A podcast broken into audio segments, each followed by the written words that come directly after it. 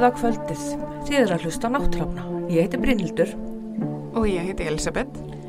og við erum komin bara að ég held nýjenda þætti. Við fyrir nú fljótlega að hætta að geta þulli upp númir að þáttunum. Já, ég, ég verð að segja alltaf þegar ég er að setja nýjan þátt í lofti þá man ég aldrei númer hvað uh, þátturinn er. Þannig ég þarf alltaf að hérna, kíkja. Já, ég rækka til því að tökum upp 11 þátt, því 11 er lukutalan mín. Já, 11, 11 er geggjutala. Já, það er eitthvað fallegt við hana. En hvað segir það? Hvað ert að horfa á? Um, afturheldingu og ég er að þræla mér í gegnum fjörðuseru af Love is Blind. Ég skammast mín fyrir að vera að horfa á þetta því þetta er ógeðslegt sjónasefni. Viðbjóður. Erðu, ég smitaðist að þér og ákvaða að kíkja á lofisblandinum og ég byrjaði á serið 1 og er núna búin með serið 1, 2, 3 og er alveg að vera búin með serið 4. Guð minn góður. Þetta er svo galið sjónasefni Þetta er bara, ég er að segja ykkur að þetta er bara, þetta er bara ógeð. og ég held þetta sé miklu meira leikið heldur en raunverulegt, meira heldur við höldum. Pottið. Já. Sægir því and að fara í svona, Nei, ég bara get ekki þetta marriage dæmi. nei, Bara, ég bara get þetta ekki.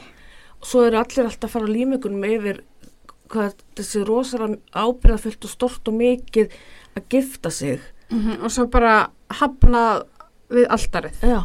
Já, nei, ég bara, ég skildi ekki. Þetta er bara fáralegt. Nei, ég var nú ekki til að fá svona íslenska seri ef ég þá að segja svo er. En svo íslenski batsilum. Já, guð, það var nú meira floppi. Hvern, hvað sagði hann alltaf? Uh, má bjóða þér að, að þykja þessa rós? Svo þegar ég bara held að ég hafi hort á einn þátt, ég var svo mikið kjánarhóll á sínu tíma. Er þetta nálga, nálgast þetta eitthvað staðar? Það er góð spurning. Ég, ég sko horfi á þetta til þess að fá kjánarhóll. Já, já. Svona er ég ítlæðin rétt. Já, ég, hérna, ég var á meðvirk á þessum árum að ég bara, hérna, Nei, ég held að það sé bara mjög heilbreykt að vera ekkert að horfa á fólk uh, gera sér fýbli. nei, Nei, nákvæmlega. sorry, afsækið þið sem hafi tekið þátt í þessari uh, bachelor, Já, í þessari keppni. Bara... gott fyrir okkur að dæma hér sitjandi hlið við hlið og, og hérna smjattandi á, á þessu. Ha, en ég hérna er búin að vera velta svona fyrir mér af hverju ég er búin að sogast svona mikið inn í Love is Blind Mm. og ég held að þetta sé bara búin að vera svona frekar andlega þung eitthvað og þá er svo ógeðst að þægilegt að horfa á einhverja steipu og þurfa ekki að hugsa um bara hvernig mér líður, heldur bara að horfa á einhverja aðra Engjast. já, engjast eitthvað og, og skæla og gráta og taka tillingskost og eitthvað og ég er bara svona alveg flöt heima, fælega þægilegt Mm. En, veist, þetta er líka bara svona þáttur sem þú getur haft á. Það skiptir engu máli hvort þú missir að hálftíma en að það er ekkert að gerast. nákvæmlega Það er allt endur tekið, ofta mörgum sinnum og það er alltaf verið að tala við einn og einn í einu og það er alltaf bara, fólki er alltaf bara að segja það sama aftur og aftur. Þetta Já. er svona mesta tímasóun bara ever. Þetta er þá, ég finn það, ég fyrir til dæmis inn í þvotta og svo hendi ég hennar þvottavel og brýt saman þurkar og ég pása ekkert heldur kemur svo bara tilbaka og misti basically ekki á neinu Nei, nákvæmlega. nema stundum og þá bara spóla ég sko. Mistur einhverjum tárum og einhverjum svakalegum ástarjátningum. en ég sá það líka til hérna lofisbrand Brasíl og eitthvað annað þannig en á, Já, það er örgulega meira kressandi. já ég eftir að fara í það næst sko. ég er ekkert hægt Ég er hægt. er þú ert hægt, Ég já, eftir þessa séri, Ég- ég, get ekki. Ég, ég- get, ég get þetta ekki. ég tek þetta á mig en hvað finnst þér um afturöldingu? Ég finnst það bara mjög skemmtilegt. já, minnst þetta geggja vel gert Um, ég er samt, ég man ekki, ég held að ég sé bara hafa verið að klara fjórða þátt í gær. já, Uh, ég er búin að, og ég er búin að hlæja mjög mikið og ég er búin að engjast líka. já, Um, ég hata skarpa, ríkaleg típa sko ríkaleg típa. alveg, en ég elska Þorstein Backmann í hlutverki Oh my god, hann er hræðileg típa. Já, þetta er bara svona ótrúlega slísi gaur einhvern veginn og næ, Ah, næri svo svo vel. Já, það, veist, við, við þekkjum Þessi- allavega eina svona típa. Já, alveg að lámarki sko. Í, í tíklapeysu og svona prímaloft versti yfir. Með svona skipti miðju hérna svona skálaklipping Já, með þetta. er- alltaf að reyna að höstla eitthvað, eitthvað geggjað. Já, mér finnst þetta gegn. Hvað er, er, er þetta ekki átt á þetta? Það eru sex Ég- búin ég núna. Já, það ég held það. Ég var bara að hlæja svo mikið í gær þegar að Skarpi sendi henni eh, skittunni hérna, SMS Góða nótt skvís Hver segir þetta? Nefna 60 kall sem heldur hann sé að vera cool Ó, þetta er svo geggjað. Ó, já, þetta er skemmtilega típur. Ég er bara, er að elska íslenskt sjónasefni. Einhvern veginn fá reglulega eitthvað svona góða seríur eins og hérna verbúðina og núna afturöldingu. Þetta er gott stöf. Bara áfram íslensk menning Já. Svo horfði ég á The Nurse á Netflix. Já, já það eftir Já. Mér finnst það bara fínt. Svona based on a true story mm. hérna hjúkunarfæðingur sem að, að drepur nema ég, ég gerði þau mistök að hlusta á þetta döppa því staðis að, að stilla bara dönskuna með, með enskun texta sko. Mm. Ég bara get ekki svona döppa, þetta er svo, þetta svo kjánalegt sko. Við viljum bara Já, já, flöðskum, já, Flöskum frikadella með flöðskum. Já. Já. En svo hérna tók ég eftir í morgun, ég var að kíkja á, á fréttaveiturnar að, það fannst leðurblaka í Kópavogi? Ég veit það, ég elska og ég hugsaði hvernig dyrfist þið að drepa hana en svo fór ég líka að lesa aðeins meira og, og komst að því að það er bera einhverjar uh, skæðar veirur sem geta drepið dýr og fólk og ég, ok, allt er lægi en þú veist, Það, væri svo slæmt að við fengjum leðurblöku til Íslands það stóð vist í fréttinu að það myndi ekki þrýfast hérna sko. Já, ok, það er nú kannski verið Já, en það er mér samt að fjölga leðurbjörgunum sem er að koma til landsins. Mm. Það, það er þessi túrismi. Hm. Leðurblöku túrismi Já, þetta er bara sérstaklega ferðir hjá leðurbjörgunum. Já, það er bara hafa hort á eitthvað, þú veist eitthvað svona þjóðverðnisprump á netinu nákvæmlega. og bara oh já, it's so, it's so clean it's so fresh Já, það hafa líka örugglega verið að fylgjast með Eurovision. Hm. mm -hmm. Hvað fannst þér um Eurovision? Hvað er ég að byrja? Ég er bara ennþá svo sári við því að við höfum ekki komast áfram af Já. því að Diljá er geggjuð Algjörlega. og hún hefði átt að vera bara í topp þreymur sko, að mínum mati Já. ég er algjörlega hlutlaus Já, algjörlega. en mér varst nú eiginlega öll lögin leðileg nema finnska lagið, þannig að Já, já, ég bara ótrúlega sagt að Finnland hafa ekki unnið en ég er samt ógeðslega þreytt á samsæriskenningunum núna. já, ég líka, ég bara, ég Já. bara let it go sko. Já, ég nenni ekki að pæla í þessu lengur þetta er bara Loren, búið. já, Loren bara vann, hún er skilurðu. bara geggjuð, Já, hún fékk- er geggjuð. Fekk flest stig, leiðilegt lag en hún er geggjuð. Algjörlega, þannig að menn, hún vann bara fyrir en skver en rosalega nú verið gaman ef að Finnland hefði tekið þetta. já, Það var sjúklega sterk, skemmt. sterkjumadurinn eins og, eins og dóttir mín sterkir ég er búin að vera líka svolítið hérna í gær yfir TikTok og hann var bara svo rosalega virkur þar og hann er svo skemmtilegur og svo fyndinn. Ok, ég þarf að kíkja á það. Hann og slovenski hérna söngvarinn í Joker Out öllu svona svakalega góða vinir og mikið sprell og, og, og gleði og gaman að ég er bara búin að vera í kasti sko. Mm. þannig að ég hefði viljað sjá sterkamannin taka þetta en, en ég ætla ekki að fara að grenja eins og stór hluti heimsins. Ég bara er inn í ykkur Eurovision grúpu og það er allt að fara á límingunum yfir, yfir því að hérna þessi bara samsæri hafi verið ákveðið fyrirfram að því að Abba annars staður eru 50 ár sen Abba. Ég minn einasti. Já þess vegna hafi bara verið svo Oh hendt út að hafa þetta svíþur nei, Lorin bara vann heiðarlega. Nákvæmlega. Algjörlega. En sástu umæðilinnast Arnars Gunnlaugssonar í gær? Eitthvað með píkur? Já, já, ég sá þetta, ég bara klikkaði ekki á þetta því mér fannst þetta ekki að hallarslegt Já. og ég bara nenni ekki svona. Nei, ég skil það bara vel en það, það var svo hallarislegt þú veist hann talar um að þeir að vikingar hafi spilað eins og píkur í fyrra að sinna að, að boltin hafi ekki verið eins grófur. Píkur eru sko sterkari. Já, ég veit það, þetta var svo og, er mjög hallarslegt já, þetta er svo hallarislegt og ótrúlega hérna gamaldags viðhorf líka ég held í alvegurinn að við værum komið lengra við að sinn bara meiri hluti fólks. En ef þú pælir í því, þú veist, okkur hann ekki pungar, því pungar eru veikburða líffæri og það er, eru líka sér satt kringlótt líffæri. Já, Já, þannig, ég menna, okkur voru þeir ekki bara eins og okkur algjöru pungar. já, mér finnst að það hefði líst þessu það betur ef það ætti að fara þessa leið eða bara grút linir getnaðalimir. Einmitt, bara sleppa þessu. Já, menn ef, ef að meðal píkan færi sjóman við hérna getnaðalim sem var ekki reist, vitum alveg hvað myndi vinna.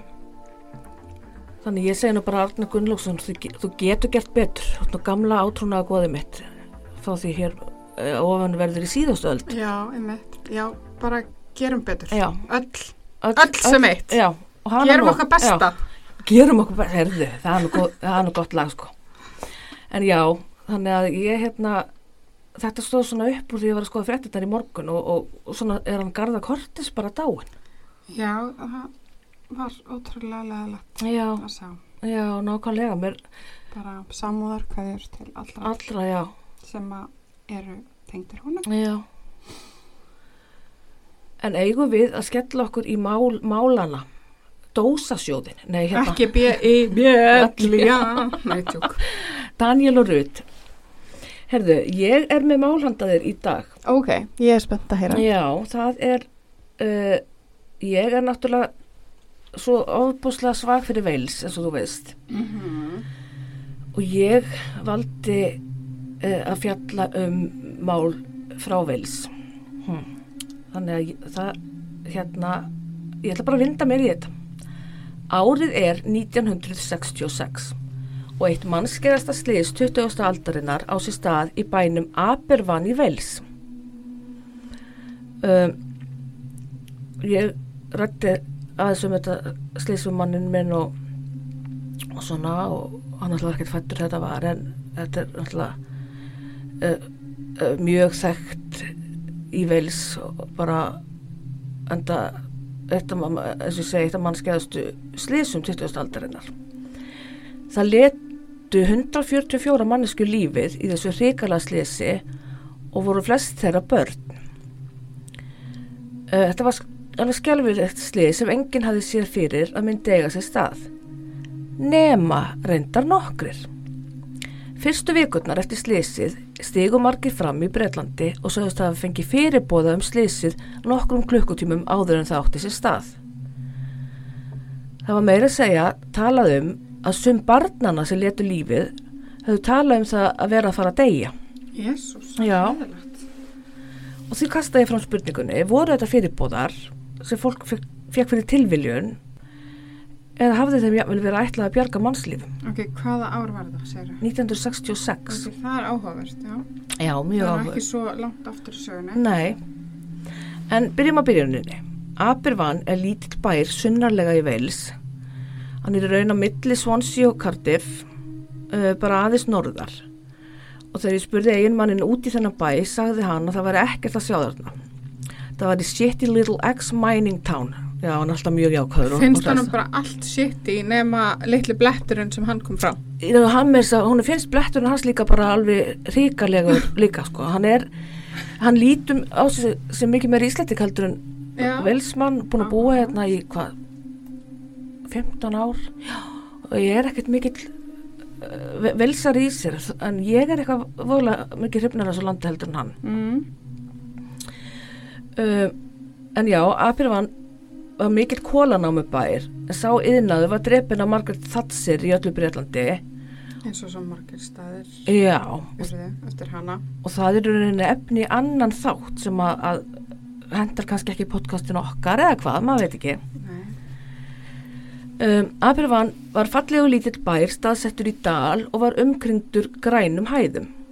Bærin var þokkalega blómlegur segir í heimildum en neikvað eiginmaður minn varaði mig við að taka mark á skrifum um cute town. Hann segir ekkit vera cute about að það sé dark and awful town. Hann segir að Amerikanar fari frjálslega með sannleikan í lýsingum sínum. Og það sé ekkert krútlegt við kólaðinaðin og bæina sem voru á kafi í honum.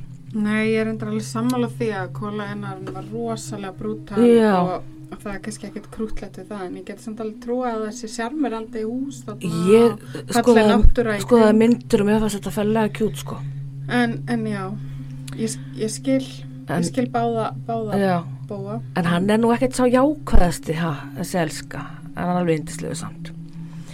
Og hann sagði mér að það var ekkert krútið til heilsuleysið sem fylgdiði naðinum, aðeins heilsuleysi starfsminn hóstand upp kólaríki. Mm. Um, já, uh, en já, það þrefst blómlegur kólaðinaður í Apurvann. Það er staðrind. Undir bænum voru risastóra námur þar sem fólk frá Apurvann og tveimur nærlegjandi bæjum vann uh, bakibrotnu í þessum námum. Fjöldi starfsmanna í þessum námum bara frá Apurvann voru 800 manns. Kólanámurnar voru lífæð bæjarins en þessum yðnaði fylgdu líka hættur. Til að búa til námu neðanjarðar þurfti að færa upp að yfirborð jarðar, grjót, mold og annan úrgang. Og þessu var komið fyrir haugum sem voru kallaðar spoil tips. Ég hafa svo sem ekkert neitt íslenskt orð fyrir það. Og það voru nokkuð skona úrgangshaugar sem var bara komið fyrir hér og þar. Og þessi náma í Abervan hafði sjö spoil tips hér á þala svæðinu og var stöð nummer sjö staðsett uppi á hæðinni í Abervan og þau munið að, að bærin er staðsettur þarna bara í, í, í, undir þessari fjálslíð og haugurinn stækkaði hratt ár frá ári og árið 1966 var haugurinn yfir þrýr metrar á hæð. Uh, og þessu haugur hann var ofan á vasslind svo hann var sífælt á hreyfingu þar sem hann knæfiði yfir bæjabúum Hann var alltaf blöytur út af vasslindinu og þegar það ringdi úti var haugurinn ennþá óstöðugri. Það hljómar ekki vel. En til að toppa hryllingin þá var þessi haugur stattur á hæðinni beint fyrir ofan grunnskóla bæjarins. Jésús. Mm Bara hvað er fólk að spá? Já, þetta er hæðilegt sko. Eh, Þetta hafði valdið áhyggjum í langan tíma og til dæmis þremur árum áður hafði kólanámi verkfræðingur sendt yfirvöldum bref og sagði hann að haugurinn yfir Apirvann var í raun dauðagildra. Hann var í sérstaklega hættulegu fyrir skólan. Nemndin sem tók fyrir brefið hans gerði nú bara lítið úr þessu og sagði ekki ástæða til að færa hennan haug. Og það var mikil hræðsla meðal starfsmanna námunar yfir að nemndin myndi að loka námunni en á þessu tíma var kólaðinaðurinn að líðundi lok. Þess vegna voru bæjabúar ekki að gera mikið veður út af þessu. Fólk bara lærði að lifa með haugin upp á hlýðinni bent ofan við bæin. Þetta er alveg skelvili tilhugsun. Mm Þú veist, maður hugsa bara gáttu þið fært haugin, gáttu þið fært grunnskólan. Já, nákvæmlega. Í byrjun oktober 1966 byrjaði að regna. Vikum saman hengur regningaskí yfir bænum og fylgdi þeim auðsandi regning.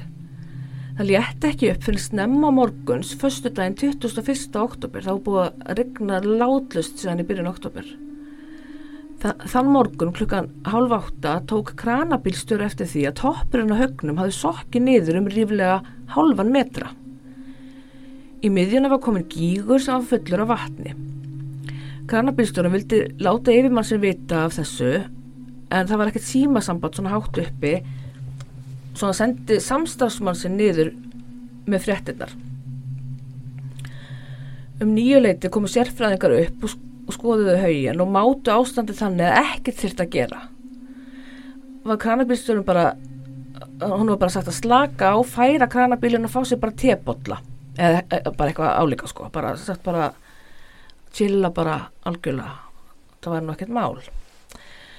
Þannig að kranabílstjóri var skilin eftir í óvissu. Hann starfið á haugil sem var að falla saman og skyndilega tók hann eftir því að gígurinn reys upp. Oh my god. Það var svipað því að horfa á þegar síður upp á potti. Mm. Og það sem við erum að tala um árið 1966 gæti hann ekki haft samband við neitt.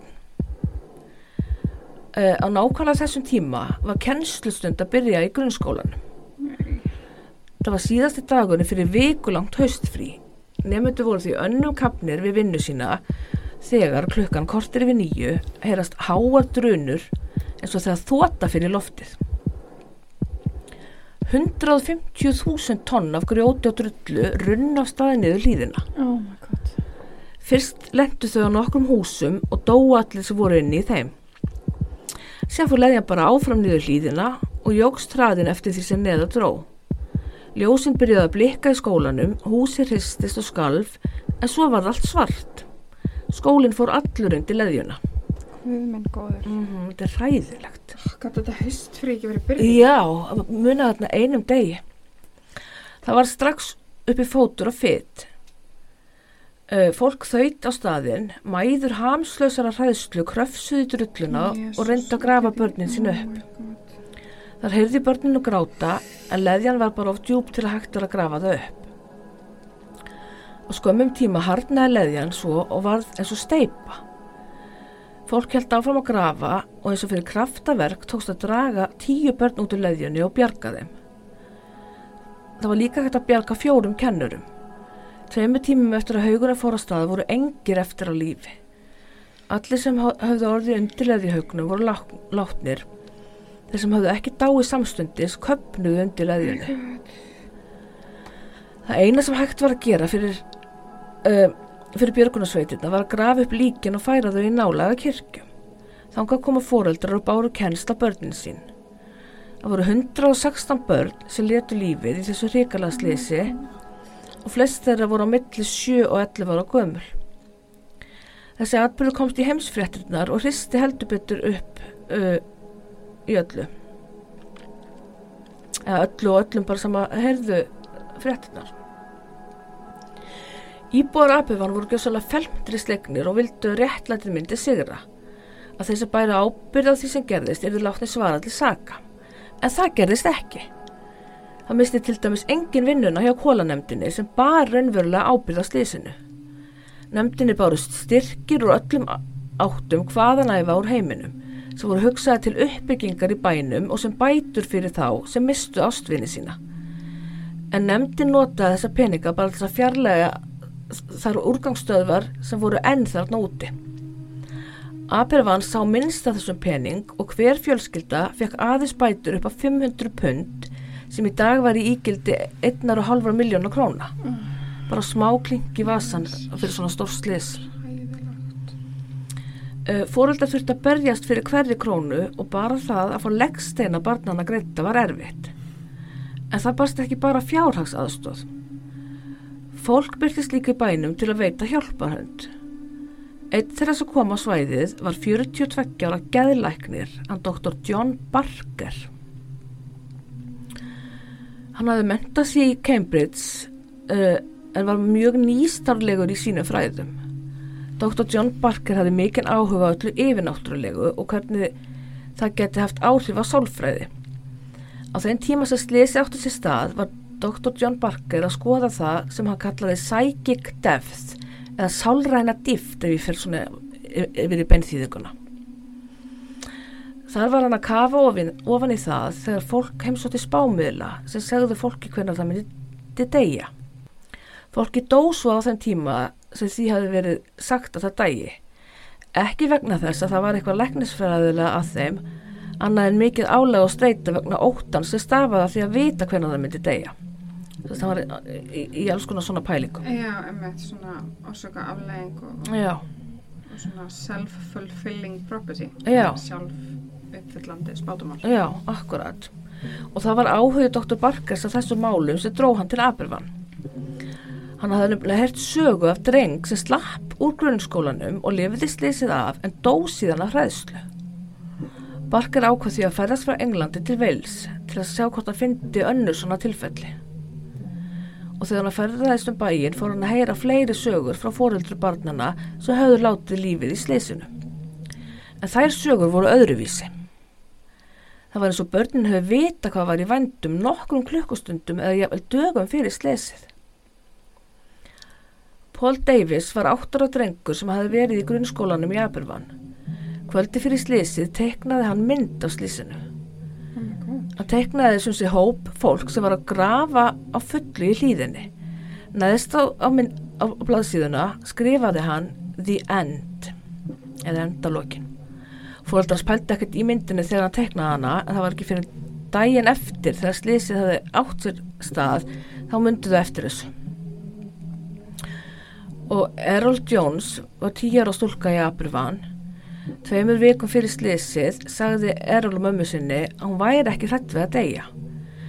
Þegar hún myndi deyja er hún með bestu vinum sínum Peter og June. Mömmunni fannst þetta frekar dark umræða og skipti því um umræðuefni. Það var svo dægin fyrir slísið sem Errol fór að tala aftur um þetta. Hún sagðist að það dreymt að skólinn sem væri farin því að eitthvað sem var svart hefði komið og hrifsaðan burt. Hún dó svo í slísinu dægin eftir og eins og hún hefði talað um þá var hún lögð til kvílu millir bestu vina sinna, Píters og Jón. Ótrúlega sorglegt. Sögunum fjölgaði og doktor Barker varð forvitin og langaði að vita hvort einhverjir fyrir utan Abirvann hefði fengið svona fyrirbóða. Þegar hann kom aftur til Englands hafði hann samband við vinsinn Peter Fairley sem skrifaði um vísindi á dagblæðinu. Hann baði Peter um að skrifa og byggja fólk að senda þeim sögur af fyrirbóðum tengdum Abirvannsleysinu. Peter Fairley var til í þetta og byrti blaðið þessa beðinni viku síðar. Á næstu tveimur vikum letu viðblöðun heldur betur ekki á sig standa því það komu 76 svör.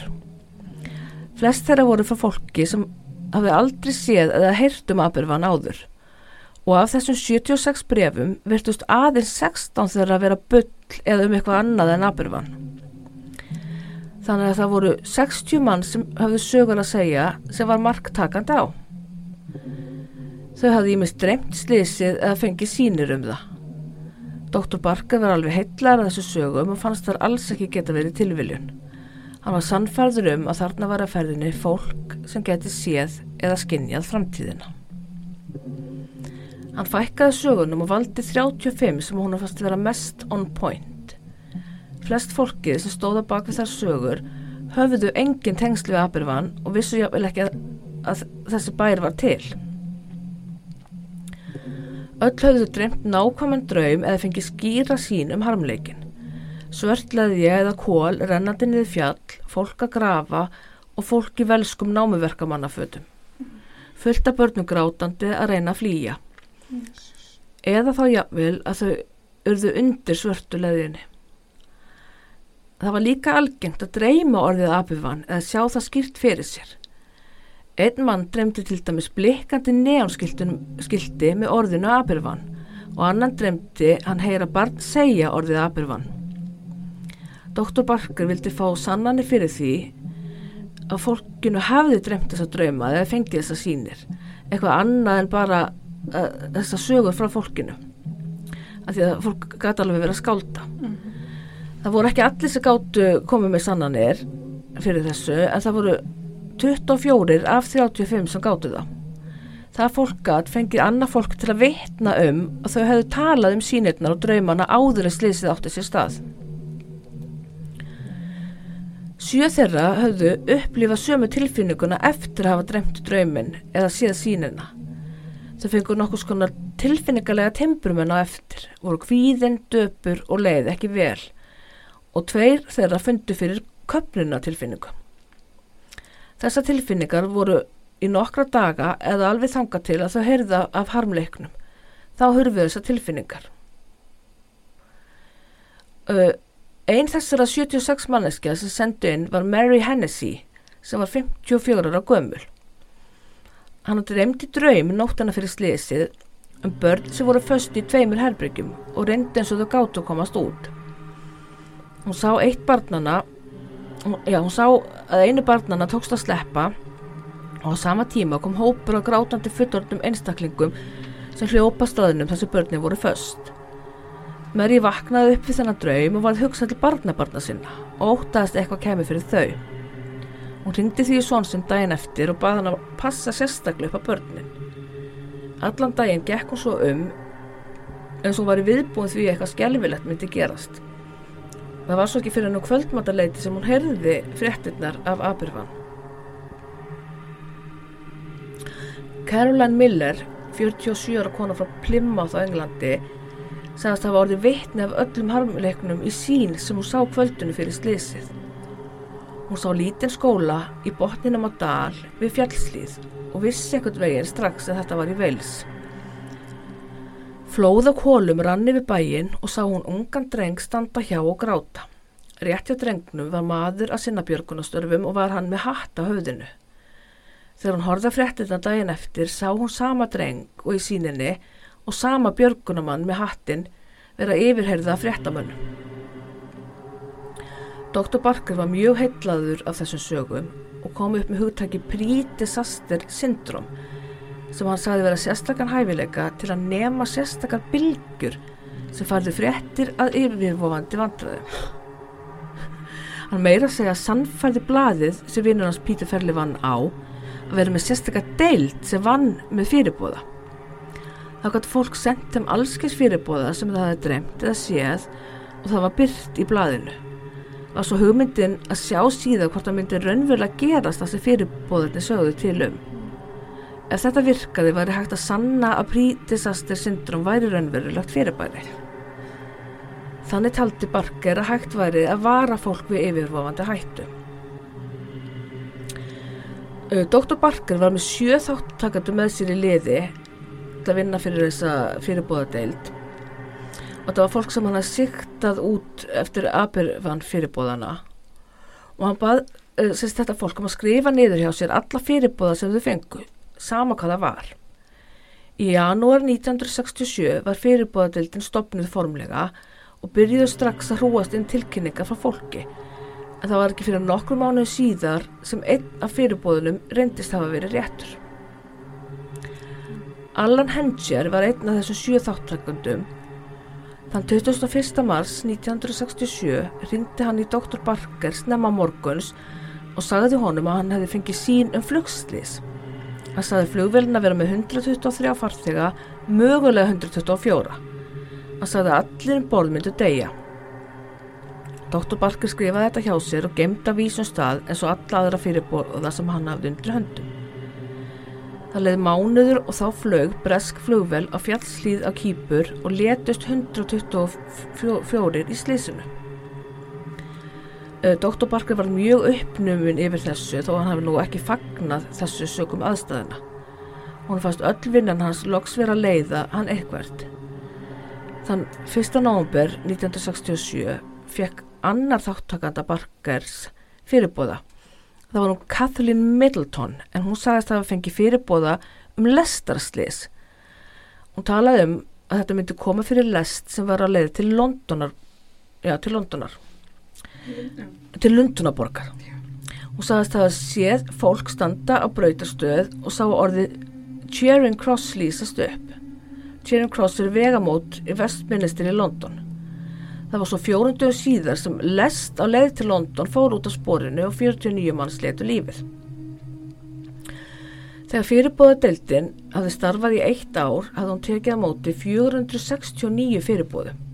Sumi voru stór og mikil slis, aðrir uh, minni hluti eins og kapriðar hesta. Þarna var ekki ljóst hver margi fyrirbóðana höfðu reynst réttir. Dr. Barker vingaðist við suma á þáttökutu sínum en sumi þeirra voru fannir að fá fyrirbóða sem tengdust Dr. Barker sjálfum. Kvöldi sér fullugslýsa á kýpur hafði átt sér stað hafði Allan Henscher sambandi Dr. Barker og sagði hann um að aðtuga gasbyrðina sínar. Hann hefði haft áhugjur á Dr. Barker allan daginn. Doktorinn sagðist ekki verið með neitt gas heima hjá sér en spurði Allan hvort hann töldi lífsitt verið hættu. Og Allan játaði því. Dr. Barker talaði það við Kathleen Middleton og sagði henni frá þessu og upp frá því fór hún að fá fyrirbóða um döða Dr. Barkers. Í heila viku fekk hún sínir að höfði Barkers byrtast hjá fóruldrum hennar sem voru þegar látnir. Það var í raun höfuð hans niður að aukslum.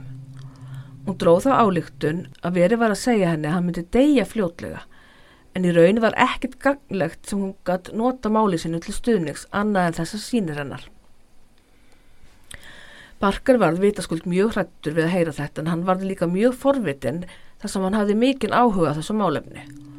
Hann hafði rannsakað þetta snemma ferli sínum og eins og ég talaði um á, á þann talið fólk geta dáur hræðslu á þenn tíma sem miðlar hafði spáð döða þeirra. Hann vissi því að hann ætti ekki að festast í hugsunum um eigin döða en á sama tíma var það jú hugmynd hans með fyrirbóðadildinni að reyna að sjá hvort fyrirbóða fólksins reyndust réttir. Hann var líka búin að læra það af því sem hann hafi viðaða sér að raun væri ekkert hægt að gera til að koma í veg fyrir þann harmleik sem fyrirbóðarnir sögðu tilum. Fyrirbóðarnir voru líka oft með það litum smáatriðum eins og dagsetningum sem hægt var að vinna með eða staðsetningum. Þetta var ekkert nóg nákvæmt. Sögðu bara frá í víðu samhengi að eitthvað myndi gerast en ekki hvenar eða hvar. Árið 1968 hafði Kathleen Middleton ekki bara áhyggjur á Dr. Barker. Hún hafði líka áhyggjur af öldunadelta þingmanninum Robert Kennedy. Strax í mars það árið fór hún að fá sínir með orðinu aftaka í tengslu við Robert Kennedy. Í júni var hún orðin mjög áhyggjuföllið við þessu en hún hafði enga dagsetningu, staðsetningu eða hver myndi fremja hana glæp. Hún bara vissi hann erði myrtur. Það var það eina sem hún sá endalaust og var komin með þetta heilan.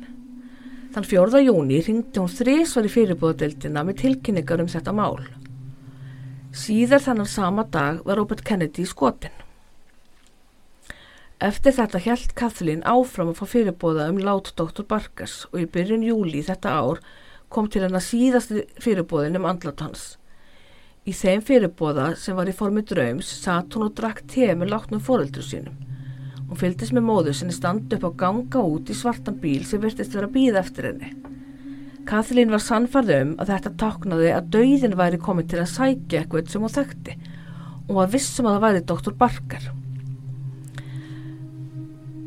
Þann 28. júli let hún fyrirbúðadeildina að vita þessu og aðeins þremur viku síðar, þann 18. ágúst 1968, fekk Dr. Barker skindilega heila blóðfall og dó á leiðina sjúkrahúsið. Hann var aðeins 44 ára gamall. Það var til ljóst að Alan Hencher og Kathleen Middleton höfðu bæði haft að rétt á standa. Mér langar sem svo að vita hvort hann hafa bara verið að fokka ógislega mikið í honum. Í það gett alveg verið sko. Ég myndi, uh, já, ég skil ekki að, já, ég veit það ekki, ef ég myndi fá eitthvað svona höns um að einhver í kringum mig geti verið að fara að deyja, ég myndi örgulega aldrei segja viðkomandi frá því. Ég myndi aldrei gera nokkuð tíman og svo líka að hún í rauninni sér ekkert eða fær neina sínir fyrir að hann er búin að minnast á það við hann að einhver annar hafi fengið sínir. Þá byrjar hún allt í einu. Skilur þannig að já, þetta svolítið svolítið dúbíu sko uh, við getum velt fyrir okkur hvort það sé ganglegt að fá fyrirbóða sem þennan og eins hvaða fyrirbóða koma og hvort það sé raunverulegt þing. Mm. er einhver hulinöfl sem geta sendt okkur skilabóð og vara okkur við því sem á eftir að gerast? Og af hverju eru þessi fyrirbóða þá ekki skýrari? Þannig að þeir getur raunverulega komið í veg fyrir að harmleikir eigi sér stað. Og lókum langar með að segja ykkur frá uh, árið 1898 kom út bók eftir höfundin Morgan Robertson. Það var stutt skáldsaga um skip sem hétt Titan og var talið vera ósökvanlegt eða þar til að siglir á borgarísjaka þá fyrir allt til fjandans því það er ekki nógu margir björgunabáta til að bjarga öllum um borði í skipinu. 2500 manns deyja þegar skipi sekkur ofan í norður Allandshaf Uh, Við vitum það flest í dag að þetta gerðist raunverulega 14 árum síðar. Titanic sökk í jómfrúaferðsinni april 1912 eftir að hafa silt á Ísjaka og þar dói 1500 manns vegna þess að það voru ekki nægilega margir börgunubátar. Það var í raun eins og Morgan Robertson sæi inn í framtíðina. Hann fullir þau þó að þetta hefði allt verið hrein tilviljun. Hann sagðist vita mikið um báta og skip og þann hrylling sem gæti átt sér stað úti á sjó. Hann gerði lítið úr þeim kenningum að hann væri skegn og geti séðin í framtíðina. Það var svo margt í þessari sögu hans sem var eins og Titanic-slýsið, eins og stærð skipsins, fjöldi farþega um borð og nákvæm staðsetning þar sem slýsið átti sér stað. Tilviljun eða, hvað heldur þú? Ég, það, ég veit ekki, nei, ég er ekkert alveg sem þessi. Þetta Nei. er mjög, mjög sérstakt og Já, það er til svona saga í, í fjölskyldinu minni, uh, hún er að vísi svolítið öðruvísi, en kannski ég gerir bara þátt um það. já, endilega. Langafa minn, Já, kannski bara að pota þessi heilan á mömmu já, til að segja þá sögu. já, það var mjög áhugavert. Mm -hmm. Þannig að þetta var nú öll sagan um Abervan fyrirbúðana. Já, þetta er ótrúlega áhugavert. Það er rosalega áhugavert. Trúið þú að fyrirbúða? Uh, já og nei, Mm. þú veist, ég segi með þetta eins og allt annað. Ég get ekki fullirt að þetta sé kjáftæði, af því ég veit ekki betur, en mist ég heldur ekki geta sagt bara, herðu, þetta er heila og sannleikur og, og Nei, nákvæmlega. já, En maður er stundum að heyra eitthvað svona, já, hann átti að mæti flug já, þennan morgun en og bara fekk einhver svona tilfinningu að ætti alls ekki að fara í flugið. Já, og svo bara ferst vélinn með öllum. já, Og nákvæmlega. heyrir reglulega eitthvað svona í þessa Já, og mér drefndi eins og draum, drefndi eitthvað til mann að ég væri í vinnunni. Og ég var stungin að geitung í handabakið. Mm. og brotturinn var eftir inni í handabakinu. Og svo þar geitungur flög í burtu að þá sérst, kom otturinn út nema hann var nál og ég fann ótrúlega skýrt hérna bara stingin í drömnum þú veist bara, já þegar ég vaknaði var ég bara svona hela um að þessu stað. Mm. ég fór svo í vinnuna endaði við að fara upp á bráðamóttöku hérna sama dag, beint úr vinnunni og fekk næringu æð og var stungin á nákvæmlega samastæði handabakið og í drömnum uh, og ég bara myndi eftir drömnum leiði var stungi þegar var sami sásökin á nákvæmlega sama stað og hafði verið í drömnum Vá, það er rosalega Já. áhugavert og skrítið. Já, mjög áhugavert. Þannig ég hugsaði bara, var með að dreyma fyrir þessari sjúkráðsferða því að var, þú veist, svona löng nál sem stóð út úr þegar getungur var farin, sko. Amen. Þannig að mamma aður veit ekkert, Nei. ha, og kona ekki heldur. Nei, og ekki heldur kvár. Nei, nákvæmlega. Þannig að þið bara með gerðnar fylgja okkur á öllu samfélagsmiðlum. Við erum á Instagram og við erum á Facebook. Facebook og við erum á Twitter og, og við erum ekki á TikTok, ha? Nei, Nei, það er... voða lítið í dansinum. Já, um, um, spyrum nú að leikslökum hvað, Spyrum að vexlugum. hvað við verðum bara eitthvað TikTok-stjórnir áður, áður en við vitum af. Já, hver veit, allavega ekki við. Hm. Þannig að ég segi bara takk fyrir og góða nótt. Elsku